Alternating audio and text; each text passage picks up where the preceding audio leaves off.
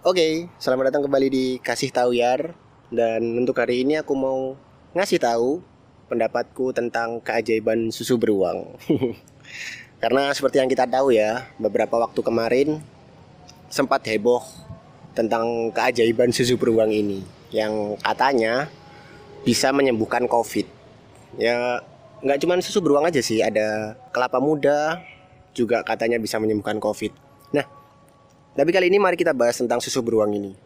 Karena kan beberapa waktu yang lalu kan sempat diborong habis-habisan tuh. Sampai ada videonya yang rebutan di mall ya kalau nggak salah itu. Atau di supermarket gitu. Baru buka, baru dibuka bungkusnya langsung diambil se se apa itu se karton tapi nggak ada kartonnya gimana dong pokoknya se gitulah terus karena kebanyakan yang borong jadi stoknya menipis akhirnya banyak juga orang yang jual dengan harga yang luar biasa gila sih. Sama kayak sama kayak dulu orang kalau jual masker waktu awal-awal pandemi harganya naik berpuluh-puluh kali lipat. Ada yang jual susu beruang harganya 200 ribu. Satu satu satu satu kaleng. Gila emang. Nah mari kita bahas kenapa susu beruang dianggap bisa menyembuhkan covid. Sebenarnya ya kalau dilihat-lihat kan juga ada banyak orang yang bahas tentang uh, perbandingan antara susu beruang dengan susu yang lain. Dan sebenarnya dari nilai gizi dan lain-lain sebagainya sebenarnya susu beruang sama susu UHT lainnya itu nggak ada bedanya kandungan gizinya. Hampir sama malah dari susu-susu yang lain kayak ultra milk atau sejenisnya lah. Terus pertanyaannya kenapa orang-orang lebih percaya sama susu beruang dan lebih mau mengeluarkan uangnya untuk beli susu beruang. Kalau menurutku sendiri, ini termasuk cara marketingnya mereka yang sangat baik. Jadi kalau kalian sempat baca sejarahnya susu beruang, susu beruang tuh dari dulu emang keren marketingnya. Kenapa aku bisa tahu? Dari desainnya. Coba kalian perhatikan desain dari susu beruang. Mana ada susu cair lain yang pakai desain kemasan kaleng? Nggak ada kan? Kita tahu susu dengan kemasan kaleng itu cuma susu kental manis. Selain itu nggak ada kecuali susu beruang. Iya kan? Yang lainnya itu susu cair biasanya pakai karton. Yang besar pakai karton yang kecil juga biasanya pakai karton atau uh, plastik botol plastik. Iya nggak?